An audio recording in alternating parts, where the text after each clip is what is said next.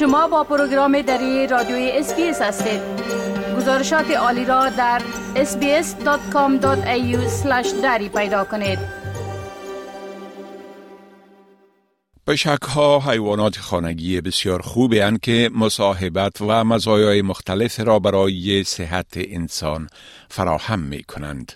اما در استرالیا پشک ها در بیرون از خانه شکارچیان بسیار پرکار همه هستند که تأثیرات زیان آور بر حیوانات وحشی بومی ما دارند و طبیعت گشت و گذار پشک ها خود آنها را هم در معرض خطر بیماری و آسیب از حوادث مانند تصادم وسایل نقلیه و جنگ پشک ها قرار می دهد.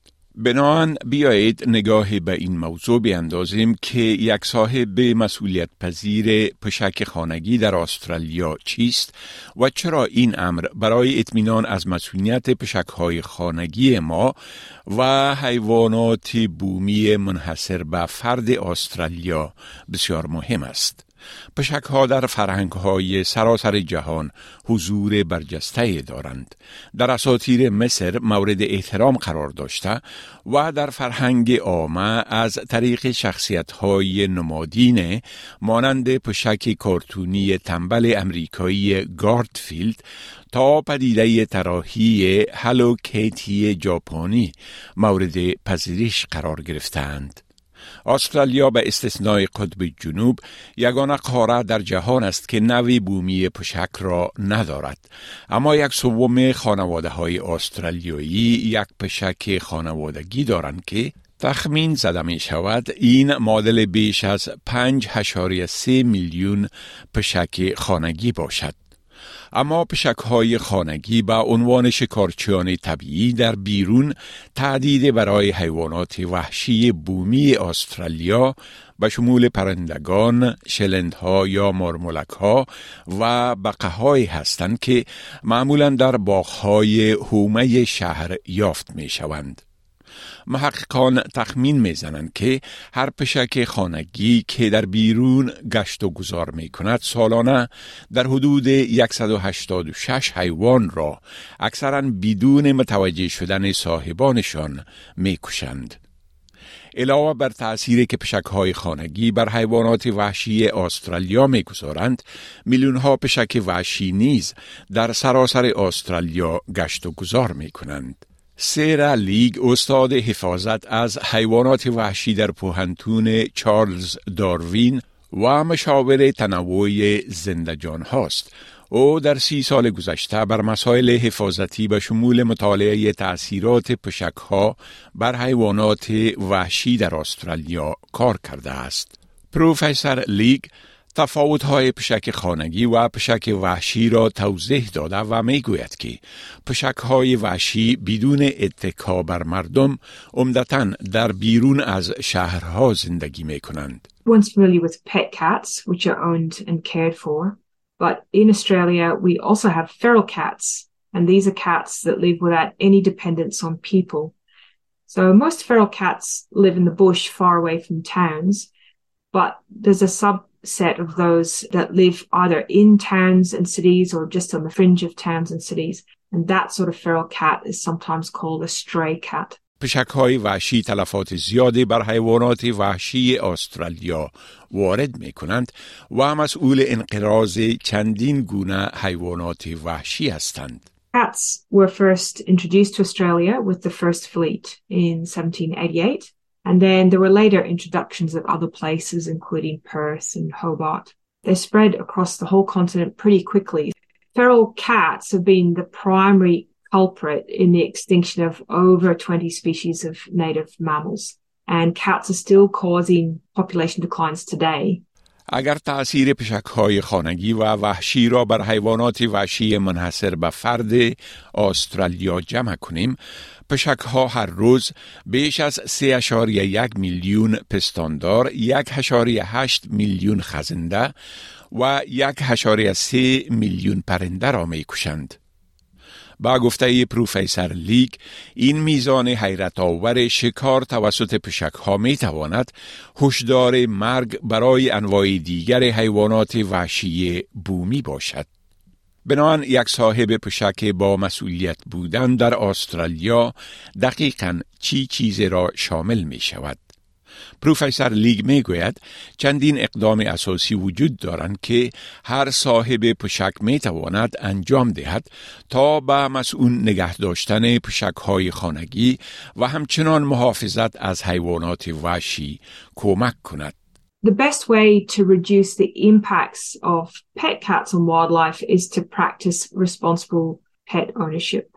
And so what that means is uh, get your cat registered and microchipped. That's so that um, if it ever does get out, it can be returned to you quickly. Get your cat desexed. That's to stop unwanted litters. And especially keep your cat contained either indoors or in a secure outdoor cat run. پروفسور لیک توضیح می دهد که نگهداری پشک ها در داخل خانه به حیوانات وحشی محلی امکان رشد می دهد و مزایای یک صاحب مسئولیت پذیر پشک بودن بسیار زیاد است. If you can do all of these things, um, not only will you keep wildlife safe from your cat, you'll also keep your cat safe from dogs and cars and diseases and all the other risks they face if they wander out at large.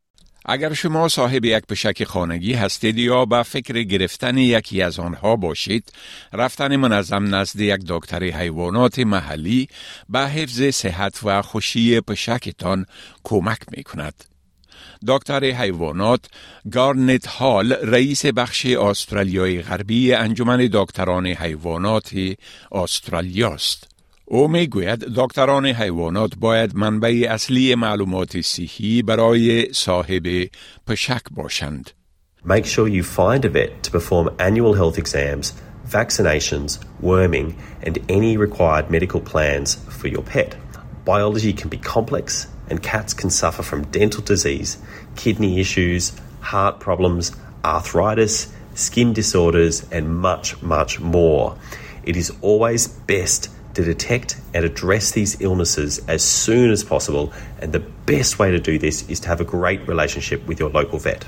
دکتر هال توضیح می دهد که اگر یک پشک خانگی در بیرون گشت و گذار کند این پشک ممکن در معرض خطر جنگ پشک ها جراحت و بیماری باشد Cats will often fight each other, causing a lot of nasty injuries, as well as becoming extremely susceptible to diseases such as FIV and things like vehicle accidents.